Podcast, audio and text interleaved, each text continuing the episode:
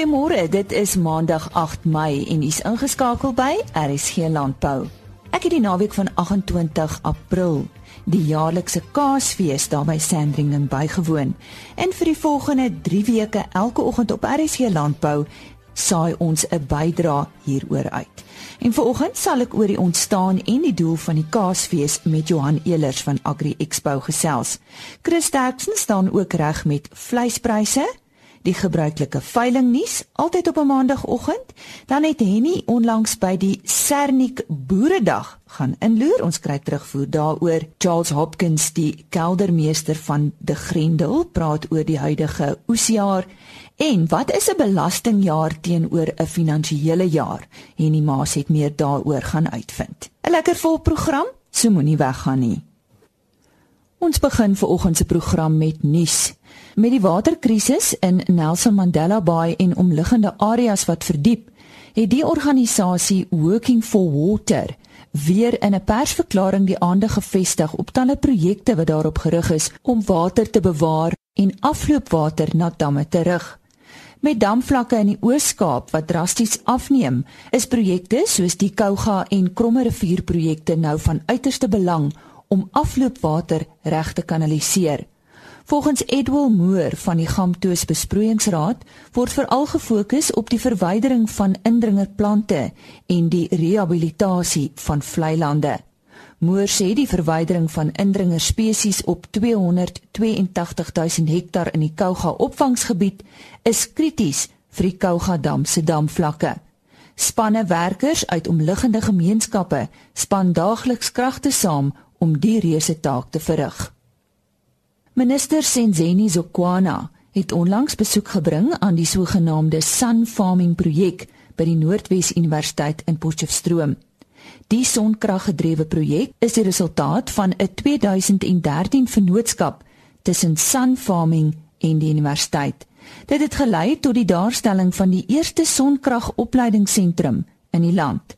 Die sentrum het sedertdien reeds 450 mense in sonkragtegnologie opgelei. Die projek verbou tans verskeie groentes en kruie en geen grond word gebruik nie. Die gewasse word in tonnels onder druppelsproeiing verbou. Sukwana het tydens sy besoek gesê dat hierdie tipe projek 'n daadwerklike verskil aan voedselsekuriteit in die land kan maak, veral gesien teen die lig van klimaatsverandering en watertekorte. En laastens, die Stellar Organiese Wynlandgoed het 'n voedingsskema van stapel gestuur vir die sowat 120 kinders van die Stelhoogte Laerskool. Die meeste van die kinders se ouers is in die omgewing werksaam, maar talle ouerpare is werkloos. Dit beteken dat heelwat kinders tydens vakansies wanneer die skooltjie gesluit is, nie seker is van daaglikse etes nie. Die Stellar Landgoed se nuwensgewende Stellar Stichting het die voedingsskema geloods om kinders se magies tydens vakansietye vol te hou. Volgens Willem Resou, bestuurende direkteur van die landgoed, kan die skooltjie nou in vakansietye oop bly met die stigting se hulp.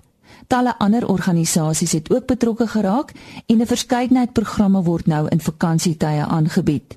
Stylhoogte is geleë in die Matsikama streek, sowat 300 km noord van Kaapstad. Sernik het so 'n week of twee gelede 'n 'n boeredag, 'n baie suksesvolle boeredag gehou. Twee sprekers het veral die aandag getrek en dit was Dr. Theo Venter van die Noordwes Universiteit en uh, eh, Dr. Johan Willemse, hy is 'n bekende landbou-ekonoom. Theo Venter het gepraat oor omgewingsfaktore en hy het ook uh, die gepaardgaande politieke risiko's uitgelig. Onsekerheid is in 2017 deel van die normale voorkoms van wat ons in Suid-Afrika het. Veral die ehm um, leierskapsverandering wat ons in die ANC verwag, gaan onsekerheid verdiep. Maar ek dink uh, in die landbou self moet 'n mens fokus op wat jy doen en jou nie so baie in die politiek steur nie. Die ANC word verlam deur hulle eie interne gevegte. Theo Venter. Dr. Willems het aangesluit by Theo Venter, maar hy het gesê dat een ding is belangrik om te onthou. Mense het kos nodig, mense in stede het kos nodig. En wat ons verbaas het die laaste klompie weke is dat vleispryse nuwe rekordvlakke bereik het. Wat vir ons sê ten spyte van die hoë pryse is daar 'n mark vir die produk Ek dink die tweede punt wat ons aangespreek het is dat markte en siklusse werk en ons moet dit as boere probeer verstaan. Daar is 'n tyd wanneer daar 'n surplus van vleis is, pryse laag is en dan swaai die siklus om. So waar ons op die oomblik staan is dat die mielieprys siklus is baie laag, voerkoste is baie laag en dit beteken voerkrale kan 30 32 rand vir 'n speenkalf betaal. En dis nou waar die beesvleis siklus op besig is om op te gaan en ek dink belangrik dan is om te sê dis 'n unieke geleentheid vir beesboere om in hierdie opsiklus van regtig rekordpryse 'n nuwe strategie vir jou besigheid te bepaal sorg dat jy 'n kwaliteitproduk op die tafel sit al is dit teen 'n hoë prys want daar gaan altyd 'n mark wees vir kwaliteitsvleisprodukte. Ek dink dit was die kort van die lang gesprek. Dr. Johan Willemse Ons het ook met een van die swart boere wat daar was gepraat. I am Mokhala Lebon. My aspiration is to be a, a, a farmer in the fullest meaning of the word. I'm interested in mixed farming, crop and, and, and livestock.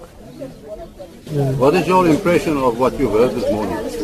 It was informative, insightful, uh, encouraging, and also inspiring. Nick Serfontein was uh, baie tevrede met die opkoms en die reaksie op die aanbiedings. Ek dink dit is baie goed, dit is 'n lekker dag en hier's baie mense, hier's ja, seker omtrent 180 mense. Uh, ek is maar bly hier is nie baie meer nie, want anders het ons nie plek gehad nie, maar uh, jy weet die mense het van oral gekom, dis mense van van die Wes-Transvaal of of die Hartbeesfontein se wêreld. Hier is regtig van baie al die onge, on, omtrent vir al die provinsies is is hier mense. So ek is baie tevrede met die opkoms. Daar is so baie negativiteit veral wat uh, wat uitbroei langs hier uh, om die braaivleisvure. En uh, as jy nou geluister het na wat Theo Venter sê en wat uh, Johan Willemse sê, dan is daar soveel positiewe goed wat hier vandag uitgekom het. En dit jy moet as jy met al die mense gesels en praat hulle net van hoe hoe hoe lekker hulle geluister het en hoe positief uh, hoe hoe hoe, hoe goed dit lyk vir die landbou. En dit is dit is ongelooflik. Jy weet ek, en as wat ons ook gesê het, ons wil hê die mense moet hier positief weggaan. Kyk, ons het in die verlede het ons ook maar boere daar gehad, maar hier was jy weet as die 40 mense opdaag is dit baie. Nou vandag het ons net 180 hierso. En uh, so ons gaan dit beslis herhaal. Dit was dan Nick Serfontein van Sernik. En nou vir ons eerste bydrae vanaf vanjaar se Kaasfees. 'n Onderhoud wat ek daar gehad het met die hoofuitvoerende beampte van Agri Expo, Johan Elers. Hy praat eers oor die ontstaan van die Kaasfees. Dis is vanjaar ons 16de jaar wat ons dit aanbied. En vroeg in die jare begin met klein 3000 mense wat opgedaag het vir die eerste Kaasfees. Na 16 jaar sit ons hier met 'n uh, regtig 'n wonderlike produk met 30000 mense wat oor 3 dae bymekaar kom met ongeveer 30 ton kaas hier op die perseel. So dis een van daai pragtige suksesverhale binne in die suiwelbedryf in Suid-Afrika. Wat is die doel van hierdie geleentheid? Agri Expo se landbougenootskap bevorder die beeld van landbou en ons probeer platforms skep waar ons landbouprodukte aan die verbruiker kan bekendstel. En ek dink dit is dis die uiteinde van die kaasfees dat ons die platform daar het waar suiwelprodusente kan kom hulle kaasprodukte aan die verbruiker kan kom bekendstel maar ook die hele waardeketting want dit gaan oor 'n opvoedingsproses wat ons het. Daarmee tesame is dit vir ons baie belangrik dat ons die verwante produkte en daai komponente saam met die kaas uitstal. En dit is hoekom ons die vennootskappe het met die departement van landbou wat die Cape May Taste Alternatives projek het met al die alternatiewe gewasse. So dis 'n vir ons is dit 'n platform vir die ag vir die uh vervaardigers daar buitekant en baie belangrike opvoedingsproses vir die verbruiker. 16 jaar gelede was ons 'n goue aan cheddar land gewees het ek altyd gesê en vandag is die huis vir soveel meer uitdagend. En ons wil tog glo dat dit die kaasfees 'n bydraende rol daartoe gespeel het. So 'n geleentheid is geneig om uit sy nate uit te bars, maar ek kom agter vir julle is dit belangrik soveel en nie meer besoekers. Absoluut. Ja, absoluut. En ek wat vir my belangrik is is dat die Kaasfees oor die jare waar ons aan die begin letterlik die kaas wou bemark het, het die Kaasfees gegroei en soveel meer. As ek sê soveel meer, dan gaan dit vandag oor innovasie. Dit gaan oor werkskepping. Uh dit gaan oor produkontwikkeling, dit gaan oor markandeel. En dit is alles wat agter die skerms gebeur om hierdie platform hier te kry. So Ons wil hom nie groter maak nie. Ons hou hom soos wat hy is. Ons probeer elke jaar aan die binnekant 'n bietjie speel met het sy nuwe vervaardigers wat inkom, maar ons as aan die eventkant moet ons die wow faktor soos ek altyd sê, moet ons behou en iets nuuts elke jaar kry. En ons spandeer nogal baie tyd daarop om te kyk hoe innoverend ons van ons kant af landbou en sy produkte aan die verbruiker bekend kan stel. Nou wil ek sommer terwyl ek jou het gesels oor jou besoek aan eh, aan Nederland. Wat was die doel daarvan? Ons het 'n wonderlike projek gehad hier in Suid-Afrika waar die Wes-Kaapse regering 'n bilaterale ooreenkoms gehad het met die streeksregering van Burgondië.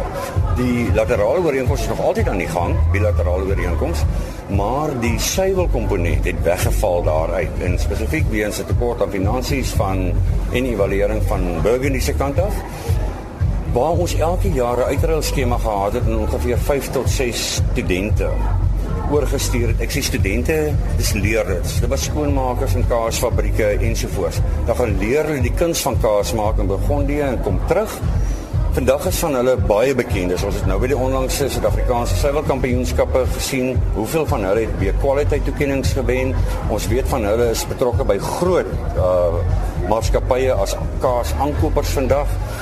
So dit was 'n baie suksesvolle projek en ons het 'n uh, ons voel ons is verskuldig aan die jonger generasie daar buitekant.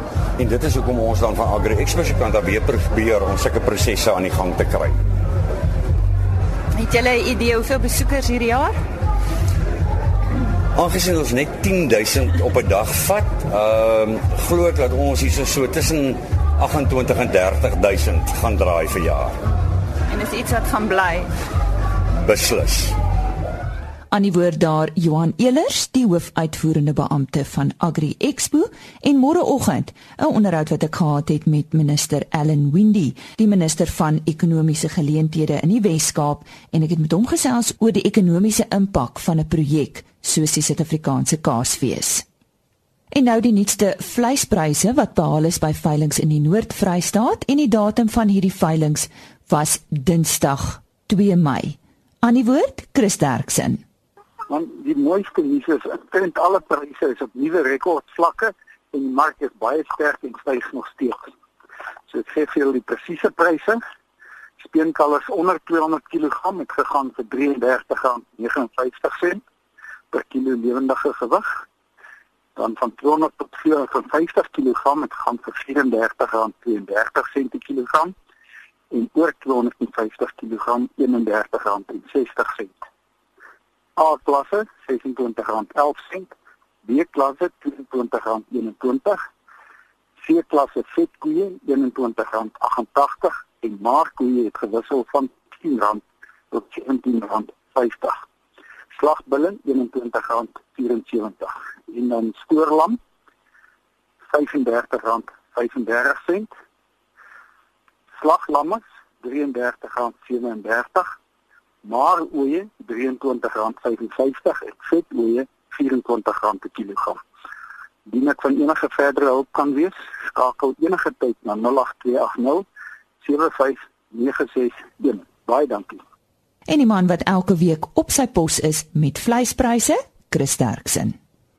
Ons uh, gaan nou 'n bietjie gesels oor 'n interessante onderwerp en dit gaan oor die belastingjaar teenoor die finansiële jaar. Ons praat nou met Frans uh, Krause, hy is by die departement handelsreg aan die Universiteit van Pretoria. Nou uh dit klink of dit 'n redelike maklike ding is om oor te praat Frans, maar hoekom praat ons van 'n belastingjaar en dan daarteenoor 'n finansiële jaar? Uh en nie die dit is ehm um, die geval dat die belastingjaar van natuurlike persone is ook hulle finansiële jaar. So dit is by definisie die einde van Februarie van elke jaar. En en nou nou te mens uh, seker goed nodig om hierdie uh, state op te stel en finansiële bestuur doeltreffend te maak, nê? Nee? En nie, ja, die hierdie onderwerp is eintlik meer gemik op doeltreffende finansiële bestuur as wat dit is op uh, belastingdoeltreffendheid die uh betekenisvolle finansiële state is nodig vir doeltreffende finansiële bestuur en 'n grondbeginsel van finansiële state is die paringsbeginsel. Dit is in Engels matching waar die inkomste en die uitgawes wat verband hou met mekaar in in die finansiële state bereken word. Nou soos ek gesê het, die belastingjaar van natuurlike persone, dit is nou mense van vlees en bloed eindig op die laaste dag van Februarie. En hulle het nodig om finansiële state ter ondersteuning van die belastingopgawe op te stel. En dit word voldoen hierdie finansiële state nie aan die paringsbeginsel nie, want die oesinsette van die een finansiële jaar word ingesluit teenoor die oesopbrengste van 'n ander finansiële jaar. So die oesinsette en die oesopbrengs van moontlik in verskillende jare bereken word. En so is die belasting finansiële state dan miskien van min waarde vir finansiële bestuur vir die boer. Daar is oplossing hiervoor en dit is vervat in die belastingwet artikel 66 13 hoofletter A maak voorsiening daarvoor om met toestemming van die Suid-Afrikaanse Inkomste Diens belasting finansiële state op ander datum as Februarie op te stel. Die graanboer in 'n stomer reënval uh gebied kan dus byvoorbeeld finansiële state met 'n jaar eindigend Augustus opstel om sodoende die oes insetkoste en die oes opbrengs in dieselfde finansiële jaar te bereken. Uh dit is egter nie noodwendig belastingdoeltreffend nie want die wet bepaal as die finansiële jaar tussen Maart en September val word die belasbare inkomste terugbereken na die voorafgaande Februarie en sodoende word die oesopbrengs 'n jaar vroeër belas. Indien die finansiële jaar egter tussen Oktober en Januarie val, word die belasbare inkomste vorentoe bereken na die volgende Februarie. Die belastingdoeltreffendheid kan dus verbeter word met 'n finansiële jaar van byvoorbeeld Oktober wat moontlik val voordat die somergewasse geplant word. Dit bring geen belasting voordeel nie, maar plaas die boer in nagenoeg dieselfde belastingposisie as met 'n finansiële jaar Februarie, maar oorkom die probleem van missparing of mismatching. Indien 'n boer ook byvoorbeeld met vee boer kan belastingdoeltreffendheid verder verbeter word as vee gewoonlik tussen November en Februarie bemark word, sal daardie inkomste eers 'n jaar later belas word. Die basis waarop die Suid-Afrikaanse Inkomste Diens finansiële jaar anders as Februarie goedkeur, is vervat in interpretasienota 19 uitgawe 4 van 15 Februarie 2016. Uh hierdie vergunning kan aan aandag te pas kom waar 'n vennootskap geboer word en een van die vennote 'n maatskappy is met 'n finansiële jaar anders as Februarie en ander vennote natuurlike persone is. Daar is ook voorsiening in die BTW wet in artikel 27.1 om met die toestemming van Suid-Afrikaanse Inkomste Diens BTW tydperke te gebruik wat saamval met die finansiële jaar byvoorbeeld April en Oktober. Uh boere behoort hierdie onderwerp met hulle adviseurs te bespreek om die volle omvang van persoonlike omstandighede te beoordeel. En die maas wat daar gesels het met Frans Krause van die departement handelsreg aan Universiteit van Pretoria. Ons uh, gesels nou met uh, met Willem Roos oor 'n veiling wat op die 12de Mei plaasvind. Vertel ons meer oor die veiling. Dit is die Basha Boeran stoet, is ek reg? Dis reg en goeiemôre aan al die luisteraars. Ehm um, en net 'n regstelling, dit is die veiling is geskuif na die 13de Mei toe net die volgende dag op Vrydag. Dit word gehou te Kroonbomas by Kroonstad. Ehm um, Goed, daar's nou 'n uh, wysiging in die veiling datum, die 13de in plaas van die 12de. Wat word aangebied? Uh dit is 'n totale uitverkoping van 'n boraanstoet, die Bassa boraanstoet wat deur meneer Alfranso Henning begin is. Ehm uh, en ja, soos ek sê, daar word 'n totale uitverkoming van ongeveer 170 diere wat aangebied word, groot en klein. En net net so ietsie oor hoe die diere lyk. Ons het baie goeie kwaliteit diere wat ons uh, oor oor jare ingekoop het. Ons het twee stoetbulle, eh, naamlik Ambassador en Ramaphosa wat ons gebruik het en dan het ook uh, in vitro implantings gedoen met van die uh skaarser bulle en is uh, semen en uh embryos wat ingevoer is van Kenia af. So daar is 'n baie goeie kwaliteite en van die beste genetika wat ons uh, aanbied op die veiling. As mense belangstel, is daar 'n telefoonnommer? Daar is absoluut 'n telefoonnommer. Hulle kan my enige tyd skakel.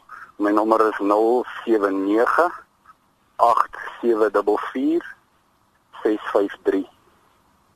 Daar sê Willem Roos se telefoonnommer 079 8744 653.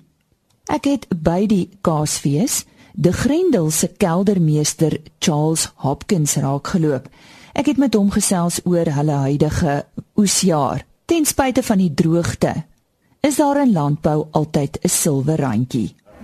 Nee, daar is werklik, ehm um, jy weet ek as ek dink na die as ek dink aan die 2017 oes, is dit baie is dit baie in dieselfde asem moet jy ook 2015 en 13 uh, en is so ironies is drie ongelyke jare en ek dink nie daar's uh, een of ander sinergie daarin nie. Dis maar net toevallig.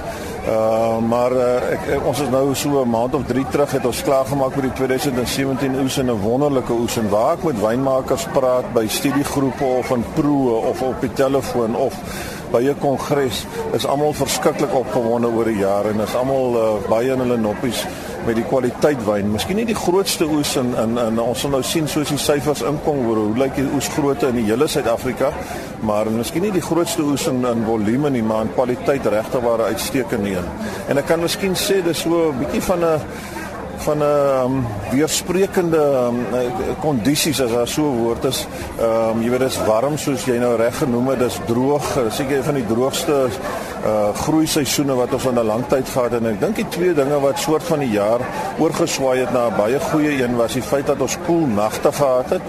En dan die, vir my was 'n baie belangrike in die 9de Desember het ons 'n 'n klein bietjie reën gehad so tussen 12 en 15 mm millimeter millimeter gehad, uh, milliliter gehad, ekskuus en uh, dit het 'n uh, baie groot invloed gehad op die kwaliteit van die oes. Nou ek weet daar's baie mense wat sal sê dis te min reën om werklikwaar by die wortels van die stok uit te kom. Maar vir my het dit 'n baie groot positiewe effek gehad.